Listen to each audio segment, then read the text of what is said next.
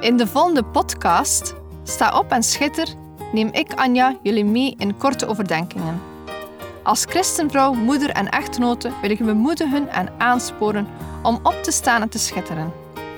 We zijn niet gemaakt om in Gods koninkrijk stil te zitten en niets te doen, maar om op te staan en dienstbaar te zijn. In de eerste plaats zien over God, daarna zien over ons gezin, onze partner of onze geloofsgenoten. En als gevolg zullen we dan ook schitteren in de wereld. Neem je Bijbel bij de hand, want zonder Bijbel zijn we als een kok zonder eten of een zanger zonder stem. Dus luister naar, sta op en schitter.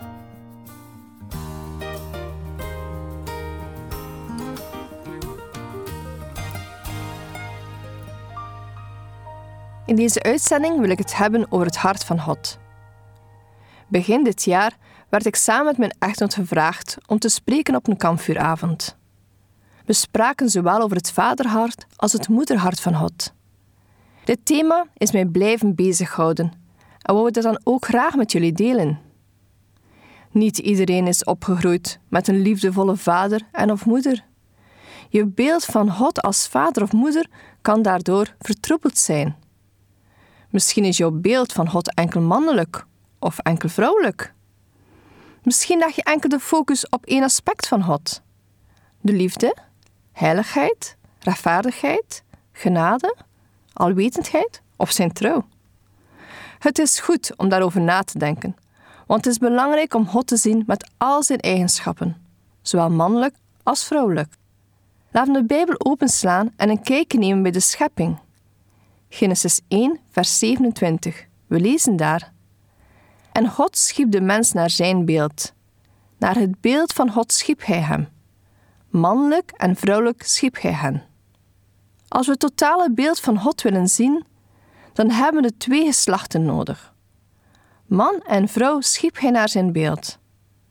Dus God is zowel man als vrouw, vader als moeder.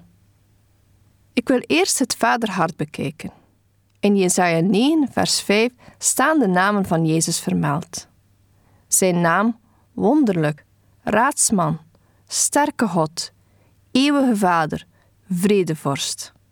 Wauw, wat een omschrijving. Wonderlijk, raadsman, sterke God, eeuwige Vader en vredevorst. Twee namen springen er voor mij uit. Een sterke God en eeuwige Vader. In Romeinen 8, vers 15 staat er: Want u hebt niet de geest van slavernij ontvangen, die opnieuw tot angst leidt, maar hebt de geest van aanneming tot kinderen ontvangen, door wie wij roepen: Abba, Vader. Het feit dat we Vader mogen zeggen is zo fantastisch. Hij is geen zwakke vader die bij de eerste storm en tegenslag opgeeft. Nee, hij is een sterke vader, die er iedere dag voor ons is. We hebben een vader waar alles mogelijk is. We mogen dan ook alles aan hem vragen. Zijn hart is gericht op ons. We mogen onszelf zien als zonen en dochters. En dat wil dus zeggen dat we niet in angst hoeven te leven. Hij heeft ons bevrijd. We mogen iedere dag in vrijheid leven, wetende dat we een eeuwige Vader hebben. Bij iedere strijd strijdt Hij mee. We staan er niet alleen voor. We mogen ook alles tegen Hem zeggen. Het is een Vader die luistert naar zijn kinderen. In het Engels is er een mooie uitdrukking. A father's heart beats with the rhythm of grace. Een vaders hart klopt op het ritme van genade. Het vaderhart van God is sterk. Hij heeft zelfs zijn zoon Jezus laten sterven voor ons. Wat een offer. Het is niet gemakkelijk om God als een liefdevolle vader te zien als je het nooit hebt ervaren. En toch is het van groot belang om God wel te zien als de perfecte vader. Als ik terugdenk aan mijn vader, dan zie ik een vader die hard werkte, waardoor we financieel niets tekort kwamen, maar daardoor ook weinig tijd met ons spendeerde. En helaas bovenop een alcoholprobleem had. Dit alcoholprobleem zorgde voor enorme mentale gekwetstheid. Dus mijn beeld van een wereldse vader is niet goed. Gelukkig spreken we in de Bijbel niet over een wereldse vader, maar over onze hemelse vader. Het grootste gemis in mijn leven was dan ook een sterke vader. Ik heb zo vaak gewenst dat mijn vader zou stoppen met drinken, dat hij eens kon zijn als een sterke vader die alcohol kon weerstaan. Helaas is dit nooit gebeurd. Daarnaast kwam ik ook nog in aanraking met verkeerde mannen die mijn beeld over mannen en vaders zeer vertroebelden.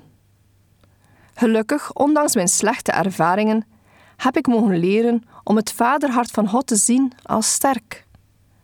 Als we kijken in het Oude Testament, is het ook een God die straft en hij bepaalt wat goed en slecht is. God zelf is de norm van rechtvaardigheid. Dit is ook het gedeelte van het vaderhart: streng, maar rechtvaardig. Maar God heeft dus niet alleen een vaderhart, maar ook een moederhart. Laten we nu eens kijken naar het moederhart van God. Dit komt voor in Jesaja 66, vers 13. Zoals iemands moeder hem troost, zo zal ik u troosten. Ja, in Jeruzalem zult u getroost worden. Hier lezen en zien we een van de liefste en tederste beelden van het karakter van God. God wordt hier vergeleken met een troostende moeder. Zeer herkenbaar, ook in ons gezin. Wanneer onze kinderen wilden spelen en hek doen, gingen ze altijd naar mijn echtgenoot. Maar wanneer ze pijn of verdriet hadden, kwamen ze naar mij. Alsof een moeder beter kan troosten dan een vader. Mannen kunnen uiteraard ook troosten, maar een moederhart is vaak toch nog zachter dan dat van een man. Maar bij God is het allebei. We mogen weten dat we op God zijn schoot kunnen gaan zitten om getroost te worden. In Jesaja 49, vers 15 staat er: Kan een vrouw haar zuigelingen vergeten, zich niet ontfermen over het kind van haar schoot? Zelfs al zouden die het vergeten, ik zal u niet vergeten. Hier vergelijkt God zichzelf niet alleen met een moeder, maar ook met een moeder die een baby de borst geeft. Met deze woorden drukt hij een soort moederliefde uit, dat zeer groot is. Voor sommigen onder ons herkenbaar? Tiental keren in de nacht opstaan voor een huilende, hongerige baby? Wel, zo is het moederhart van God. Het kent geen einde. Het gaat maar door en door en door, troost op troost op troosten. Jezus gebruikt een moederlijk beeld van zichzelf in Matthäus 23, vers 37. Jeruzalem, Jeruzalem, u die de profeten doodt en stenigt, wie naar u toegezonden zijn.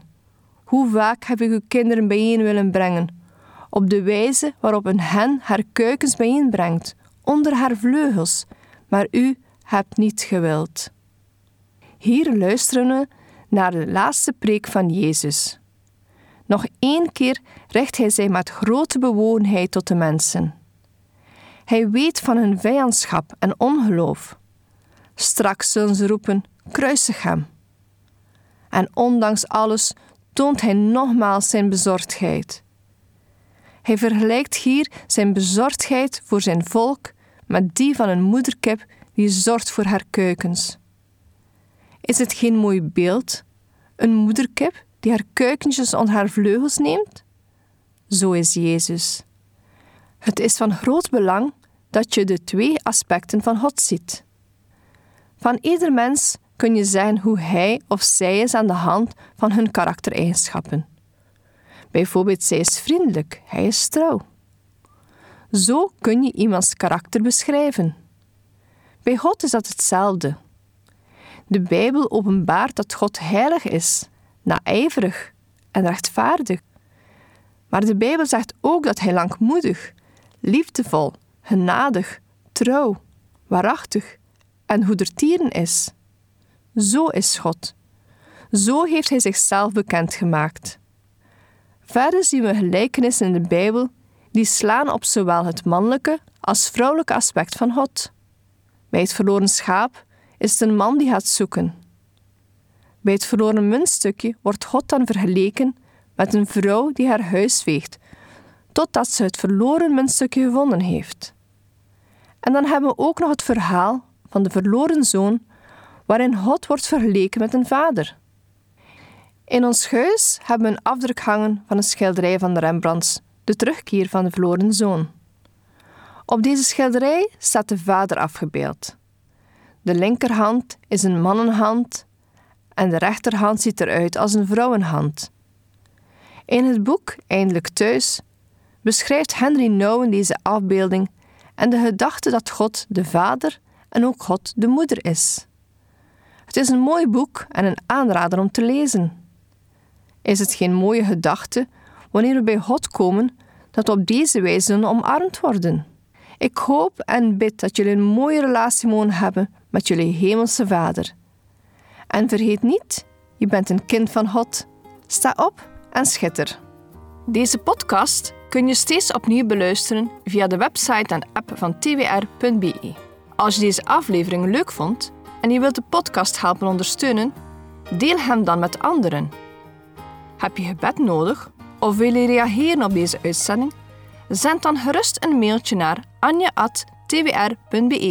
Bedankt voor het luisteren.